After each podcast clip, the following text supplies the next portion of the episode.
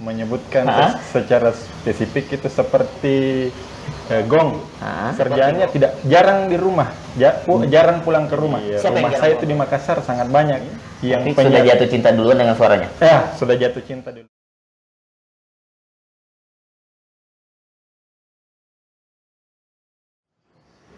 Jadi bagaimana Pak Apri sehat? Alhamdulillah sehat. Iya, jadi eh, kita mau bincang-bincang dari mana dulu ini Pak Apri tentang jadi saya mengenal Pak Apri ini eh, karakternya dia itu eh, kurang agresif begitu ya. Ya. Pandangan saya seperti itu teman-teman. Bukan tidak agresif tapi kurang agresif, tapi justru itu jadi eh, hampir menjadi misterius sebenarnya Pak Apri. Ini karakter yang saya melihat dari sosok Apri Ishak. Ya, ba- bahkan ada beberapa orang menyebut menyebutkan Ha? secara spesifik itu seperti eh, gong. Seperti gong. Iya, hmm. nanti dipukul baru bunyi. Oh, ada yang Ah, mengatakan seperti itu, Pak Pri. Dan kebetulan orang penting juga yang mengatakan seperti Iya, itu. tetapi itu eh, tidak pernah dimaknai secara negatif. Berarti eh, itulah karakternya kita. Ya, mungkin, mungkin Ah. Pak Apri, eh, saya mengenal Pak Apri ini karena eh, ada kesamaan dalam aktivitas eh, profesi. Tetapi saya justru masih penasaran dengan banyak hal-hal yang mungkin akan saya akan coba gali di pertemuan kita ini, Pak Apri. Pak Apri Ishak ini sebenarnya aslinya memang di Parepare atau dari daerah lain, Pak Apri? Eh, kebetulan saya lahirnya di Balikpapan Oke. tahun eh, 1980. Mhm. Dua tahun kemudian kedua orang tua saya berpindah ke Sulawesi Selatan. Mhm. Kebetulan beliau berdua bertemu di Balikpapan, lahirlah saya di sana. Setelah dua tahun, eh, bapak saya pulang kampung Ya. dan kebetulan eh, ibu saya juga akhirnya ikut eh, untuk kembali eh, ke kampung halaman bapak saya. Oke, kembali ke kampung halaman berarti eh, orang tuanya Pak Apri aslinya memang orang di Parepare atau Bu- suku Bugis. Suku Bugis. Suku Ke- Bugis Iya. merantau ke Balikpapan, Nah, kemudian iya. lahirlah Pak Apri. Mereka Eh, bertemu di sana. di sana, iya. Wow, jadi Pak Apri Ishak ini pertemuan orang tuanya di Balikpapan, lahir di sana kemudian balik lagi ke Parepare. Iya. Jadi kampung halamannya sebenarnya orang Parepare juga. Iya. Lahirnya kebetulannya di Balikpapan. Iya. Berapa orang bersaudara Pak Apri? Eh, saya ada dua, dua orang adik dan saya sendiri jadi tiga Ada orang. tiga orang yang bersaudara. Dan Anak pertama? ketiga-tiganya laki-laki. Anak pertama? Eh, Dan saya anak pertama. anak pertama dan semua laki-laki. Berarti eh, eh, kurang nuansa perempuan di situ di rumah. Iya. Berarti seringnya berkelahi berarti Pak. Ah, sudah pasti. Rebutan untuk satu mainan itu harus eh, kalau cuma satu berarti harus rebutan. Iya. Em, kemudian jadi beban orang tua harus membelikannya rata kalau memang harus satu-satu. Iya. Oke, kemudian Pak Apri berarti masa kecilnya banyak di Balikpapan atau di Parepare Pak Apri? Eh, sudah jelas banyak di Parepare Pak karena cuma dua tahun di Balikpapan bahkan Oh. saya pun tidak Tidak merasakan. mengingat apa tidak oh mengingat begitu, apa pun. berarti adik-adiknya lahir di Parepare juga. Ya kalau adik lahir di Ah, Parepare semua. Spesial Pak Apri ini lahirnya di Balikpapan, Ah, iya. yang dua adik yang lainnya itu lahirnya di Parepare. Oke, berarti di Parepare eh m- boleh diceritakan Pak Apri masa kecilnya seperti apa sih Pak Apri? Seperti biasa kan pada umumnya anak-anak itu eh, kenakalan-kenakalan anak-anak ya. Iya. Eh, di SD, SD berapa sih dulu Pak Apri? Kalau saya SD 38 kebetulan ibu saya juga seorang guru. Wah, wah, wah. Hmm, Sebentar kita bahas tentang profesi Iya, gurunya. Siap. Eh, SD 38, kebetulan ibunya juga mengajar di situ. Iya. Akhirnya tadinya mungkin cuma ikut-ikut sekolah, akhirnya sekolah beneran atau gimana? Eh, gimana gimana? Se- ya, eh, Bapak sejak kecil ikut sekolah, Ah. akhirnya juga bergabung di sana. Hmm. Eh, kemudian tiga tahun itu eh, dari eh sorry dari kelas 1 SD 2 3 Ah. SD Hmm. kebetulan eh, karena mungkin koneksi orang tua Ya. eh, berprestasi Nepotisme, nepotisme. Oke. Nah, ini hal yang yang lazim kayaknya. Tapi ya kemungkinannya benar ya. Tapi potensinya nepotisme nih karena ada orang tua Ya, kalau menurut saya pribadi kayaknya nepotisme, Nepotisme deh. ya? karena setelah tahun keempat lima enam eh, terjadi Penurunan degradasi atau penurunan atau mungkin Oke, oke, murid-murid oke. yang lain sudah mulai berkembang. Ah, dua kemungkinannya. Iya. Nep- apakah benar nepotisme Iya. atau memang eh, siswa yang lain termotivasi? Ah, Iya. kenapa mesti Pak Apri yang juara kelas Iya, di situ? betul. Oh, berarti jadi sempat juara kelas dari sempat satu- sempat. Oke, kemudian eh, karakter seperti yang tadi Pak Apri sebutkan seperti Gong itu apa memang dari SD-nya atau ada berubah setelah SMA Pak Apri?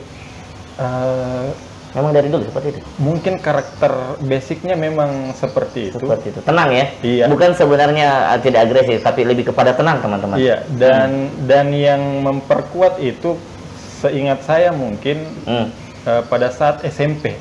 di SMP. Di SMP. SMP di mana Pak Apri? SMP Negeri 2 Parepare. Wah, ya ya ya, oke oke oke. Iya. SMP Negeri 2 jadi SMP SD 38, Lama, SMP Negeri 2. Oke, di SMP 2 ini apa yang terjadi di situ Pak? Apri? Boleh Yang diceritakan? terjadi itu eh, sepertinya saya merasa jenuh Jenuh Iya. dengan dengan eh, selalu diinstruksikan oleh orang tua karena Oke. kan dari SD sampai SMP kelas berapa itu Hah? kerjaannya tidak jarang di rumah, ja- pu- Hmm. jarang pulang ke rumah. Siapa yang jarang pulang ke rumah? Eh, saya eh, Loh, loh, loh, loh, loh, tuh dulu. karena Kok bisa apa penyebabnya jarang pulang ke rumah? eh, karakter anak SMP kan masih mencari eh, apa jati diri, Hmm. masih mau mengenal dunia itu seperti apa. Oke. Jadi eh, pulang itu ya biasa malam baru pulang. Wah, Nah, anak nakal berarti Pak? Pri? bukan nakal. Bukan nakal. Tapi memang memang anak pada umumnya eh, terlambat pulang malam. terlambat iya terlambat pulang. Oke, oke, oke. Bukan nakal. Bukan nakal, terlambat Oke. pulang. Oke. Nah, maka dari itu mungkin karena jenuh sering di, diberitahu beritahu Ah, beritahu di Yomeli begitu. diomeli akhirnya eh, mungkin sikap apatis saya Hah? Mulai akhir- muncul. Mulai muncul malah lebih suka tinggal di rumah. Oh begitu. Ah, jadi itu awalnya jenuh. jadi sebenarnya s- eh, karakter yang kelihatannya sekarang ini Pak Pri tidak Iya. sejak lahir begitu ya. Ti- Sepertinya tidak sih. Ya karena tadi sempat keluar malam. Saya mau tanya nih, jadi penasaran. SMP kelas 2 atau kelas 3 SMP itu Pak Pri? Ya kelas 1 2 Kelas satu, kelas dua. Ngapain Pak Pri? Sampai Ya, pulang malam seperti- terlambat. Apa saja? Boleh dibocorkan salah satu aktivitasnya kok bisa jadi pulangnya larut eh, malam gitu kan? Eh, main main anak-anak seperti itu. Kalau bahasa daerahnya malekba. Oh begitu, Begitu, Malek iya. Bang. Bukan oh. bukan yang sam- zaman sekarang. seperti gitu. sekarang ya? Iya, beda jauh lah. Oh iya iya iya. iya. Karena kalian kita dulu kan apa sampai apa sih? nakal eh, pulang malamnya karena banyak permainan yang harus dilakukan. Iya. Bukan nakal. Dari tadi saya Oke bukan oke nakal oke. ya. Jadi Iya, bukan nakal. Iya. Tapi banyak bermain ya banyak bermain sampai pulangnya malam terlambat. larut, ya. Oke, berarti ya itu teman-teman karakter Pak Apri yang seperti ini terklarifikasi tidak sejak kecil, tetapi mulai dari besar besar ya pengaruhnya ya sering diomeli itu ternyata Pak Apri. Iya, mungkin akhirnya saya jadi apatis, jadi skeptis, Hah? akhirnya membentuk karakter. Sekarang saya malah jadi orang yang introvert. Lebih senang tinggal di Iya, rumah. lebih senang tinggal Iya di ya, rumah. karakter in- introvert itu berarti sikapnya lebih kepada tertutup. Tapi saya tidak melihat seperti itu sih Pak Apri.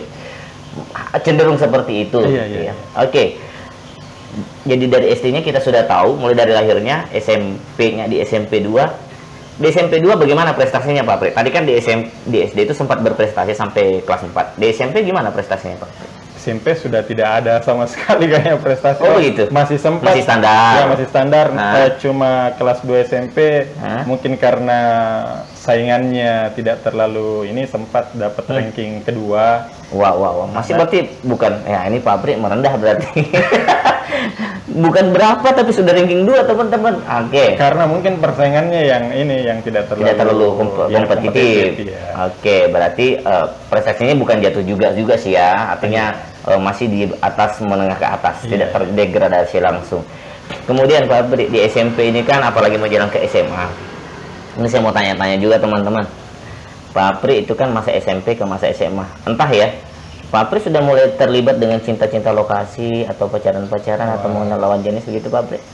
Kalau sekedar suka kayaknya ada. Sudah mulai ada rasa suka di SMP? Iya, itu kan Oke. secara psikologis dari usia memang usia segitu Iya, iya, iya. sudah ada Tapi ketertarikan. di zamannya Pak Pri kemarin masih belum WhatsAppan ya. belum. Sempat menulis surat-surat cinta? Tidak ada sama sekali. Oh, belum, belum, belum. Jadi- Tapi hanya memandang-memandang. Iya, jadi langsung saya saya, Oh, saya- langsung. Oh, jadi saya saya paparkan di sini. Jadi Iya. saya itu eh, tidak pernah merasakan yang namanya pacaran Hmm? eh, sampai saya menikah. Wah, berarti dalam daftar pacar biasanya kan kalau uh, paling kerennya kan ada daftar pacar sampai 15-20 orang sebelum menikah Pak Apri kosong Nol. daftarnya Nol. kosong wow beruntung sekali istrinya sekarang Pak Apri itu karena ya apa karena tadi gara-gara apatisnya cenderung introvertnya atau memang apa Pak Apri Eh, mungkin lebih itu? ke tidak percaya diri atau mungkin minder. Minder. Iya. Eh, Begitu ya? malu kepada lawan, lawan, jenis. jenis. Iya. Ya, Eh, belum ketemu sudah bergetar duluan. Ah iya seperti itu. Mengagumi banyak tapi Iya, tidak, iya, iya, tidak iya. ada keberanian. Mengagumi Iya. eh, boleh apa jadi eh, mengagumi banyak. Banyak. Ya. Tapi dikagumi Pak Apri. Tidak ada kayaknya. Wah mungkin Pak Apri karena itu tadi tidak percaya diri. Mungkin ada yang mengagumi tapi mereka juga sama dengan Pak Apri tidak Iya. mau menyampaikan. Oke. Itu sekelumit. Jadi ini ada banyak rahasia-rahasia yang akhirnya kita harus buka di sini Pak Apri. Jadi sampai di SMP. Kemudian tamat SMP masuk ke SMA 1. SMA 1 kemudian nah di sini Pak Apri di SMA 1 ini kan sudah mulai ada penjurusan. Iya. iya. Pak Apri kemarin di SMA-nya jurusan apa sih Pak Apri? Eh, saya kebetulan jurusan IPS. IPS. Kenapa Iya. bukan ke IPA Pak Apri? Karena memang kembali lagi Ah. eh, prestasi menurun. Eh, Oke. Mungkin salah satunya yang paling besar pengaruhnya itu eh, Hmm. kondisi fisik. Eh, mata saya minus. Oke, oke, Ah, oke. Ada ada kendala di kesehatan mata. Iya, dan dan saya tidak, maksudnya seandainya saya me- mengantisipasi dengan eh, duduk di depan pada saat itu, mungkin saya masih bisa menangkap pelajaran. Tapi karena entah apa yang terjadi saat itu, saya lebih, memang juga lebih suka bergaul dengan teman-teman yang duduk di belakang. Akhirnya Akhirnya? banyak main di belakang. Ah, ya, ya, ya. Tetapi eh, selesai di SMA 1. Jadi Pak, teman-teman Pak Apri ini sedang SD 38, SMP 2, SMA Negeri 1, kemudian masuk ke eh, STIMIK Di Panegara. di Panegara. Nah, kenapa mesti ke komputer Pak Apri? Pak Apri tadi IPS. Eh, kalau itu sih masalah eh, pilihan, tidak ada pilihan. Ya, jadi oh, kita kan dari Bukan SMPTN kenapa dulu? Kenapa ya, bukan dari SMPTN? dari kampung atau dari Parepare kita ke Makassar kan Hmm. pasti prior- prioritas utama kita adalah Hmm. eh, Unhas Unhas. negeri. Oke. Ya, tapi karena mendaftar di Hmm. dua universitas negeri tidak ada yang tembus, akhirnya Malu pulang kampung? Eh, tidak malu pulang kampung. Kita harus Alternatif memilih. ketiga. Iya, kita harus memilih eh, satu. Oke. Saya pun tidak percaya diri akan akan lulus di situ, tapi ya alhamdulillah. di Panegara. Ini berarti yang berarti di Panegaranya terpaksa atau terpaksa. terpaksa? Iya. Oke, terklarifikasi. Pak Pri belajar komputer di STIMIK Karena Negara terpaksa. terpaksa. Tetapi keterpaksaan itu Pak Pri yang membuat Pak Pri sampai menjalankan aktivitas profesi seperti gu- guru, Guru saat sekarang ini iya, gitu. betul sekali. Nah, berarti yang terpaksa-terpaksa itu teman-teman belum berarti hal yang tidak bagus gitu Iya, kan? iya, iya. Mungkin sudah jalannya, ke Jalannya. sana. Tetapi Pak Pri terpaksa tetapi eh, tetap optimis untuk bisa dan eh, ikhlas menjalani. Ya, akhirnya tertarik. Ada keluarga di Makassar. Ada keluarga di Mm-mm, sana. jadi tidak terlalu terbebani juga ya dengan biaya biaya operasional selama Eh, kuliah. Iya, jadi walaupun ada keluarga, tapi saya lebih senang eh, gabung sama teman-teman. Jadi rumah saya itu di Makassar sangat banyak. Iya iya. Jadi saya kadang di teman yang di Unhas, kadang Iya iya iya. yang di dekat kampus. Jadi Jadi tidak sebenarnya Pak Apri ini tidak introvert banget juga Iya. sih, karena eh, bergaulnya justru banyak teman. Cuma memang agak-agak dingin sih, sehingga banyak yang mungkin sebenarnya mengagumi tetapi tidak berani ya, mendekat. saya juga kurang paham itu ah, bagaimana mendefinisikan itu. Oke, jadi kita sudah eh, kurang lebih 15-10 menit terakhir ini teman-teman Pak Apri kita sudah mulai mengulik hal-hal yang sebenarnya jarang atau bahkan mungkin kita tidak pernah tahu tentang Pak Apri Ishak. Nah sekarang Pak Apri, saya sudah ketemu dengan Pak Apri ini kurang lebih hampir 10 tahun lah Pak Apri ya. Ya, Semenjak 2011 Iya. kita mulai banyak berinteraksi. Eh, Pak Apri, eh, di kehidupan yang sekarang nih, tadi Iya. kan kita flashback ke belakang, rewind, Betul. dan mungkin tadi ada beberapa bagian-bagian yang terlupa. Pak Apri, dalam eh, jenjang kehidupannya Pak Apri yang sudah dilakukan tadi, kira-kira bisa nggak disampaikan ke kita ini dalam jenjang kehidupan apa yang masih membekas dan yang paling diingat Pak Apri Ishak sampai umur yang sekarang ini di eh, umur usia 40 ya sekarang ya? Iya, iya, Ah, 41. Kurang lebih 40 tahun terakhir ada mungkin bisa diceritakan ada satu pengalaman hidup yang sangat berat ya untuk Pak Pri ada nggak ini pertanyaan langsung loh tiba-tiba Iya, iya, iya. Hmm. Apa ya? yang membekas se- semuanya kayaknya membekas. Membekas semua. Iya. Oke. Saya mau menantang yang satu nih. Iya iya iya. Karena tadi Pak Apri kan tadi yang spesial nih teman-teman. Pak Apri tadi katanya belum pernah pacaran tapi tiba-tiba langsung menikah. Iya. Bertemu dengan istrinya tiba-tiba itu sampai menikah itu kejadiannya gimana Pak Apri? Kan tadi Pak Apri agak malu-malu, sungkan apa semua. Cara nembaknya gimana Pak Apri? Ah. Oke, siap. kan tidak berpengalaman. Iya, iya, iya, Ah, gimana gimana? Jadi ceritanya setelah tamat kuliah, Mm-mm. eh, memang saya sudah planning dari awal karena memang mungkin saya merasa diri saya eh, kurang apa di pedagogi kurang ini ya di Oke. kognitif saya kayaknya saya, saya pribadi merasa kurang. Oke, oke. Akhirnya saya memilih setelah tamat kuliah mau rehat setahun dulu, Istirahat satu tahun. istirahat satu tahun dari Oke. aktivitas apa pun. Mhm. Nah, lalu saya kebetulan ada keluarga di Cirebon, Jawa. ya di Jawa. Ya, akhirnya saya eh, Kak, bolehkah saya jalan-jalan ke Jalan-jalan situ?" ke Jawa. Ya. Ya, Artinya setelah- refreshing, iya, iya, mau refreshing. lihat apa situ. Pokoknya membuang diri lah Iya, gitu tidak ya. tidak mau mele- eh, melepaskan semua kepenatan kemarin Hmm, kuliah, kuliah, yang ya, ya. begitu berat. Hmm. Ya boleh, silakan. Akhirnya saya ke sana. Satu tahun itu planningnya tidak ada rencana mau ikut kerja, Pokoknya mau mau santai mau saja. Iya, iya, iya, iya, iya. Tapi tidak tahu. Tiba-tiba eh, saya kebetulan punya dua pekerjaan di sana. Mhm. Yang pertama saya ikut eh, jadi pegawai SPG istilahnya, Hmm. jaga toko. Oke. Ya, jadi jaga toko. Hmm. Eh, kurang lebih tiga apa empat bulan. Oke. Ya, bosan jaga toko, akhirnya saya coba-coba melamar eh, di warnet yang ada Warnet pada saat iya itu. pada saat itu kan warnet Hmm, lagi jago-jagonya. Dan ini lagi dari sarjana komputer loh Iya, warnet. iya. Walaupun sebenarnya secara ijazah eh, i- i- i- sarjana komputer, Sarjana komputer jadi jadi operator operator warnet. Nah, itu sangat eh, de- degradasi. Tapi it's not problem. Iya. Yang namanya cari pengalaman. Ah, iya. Oke.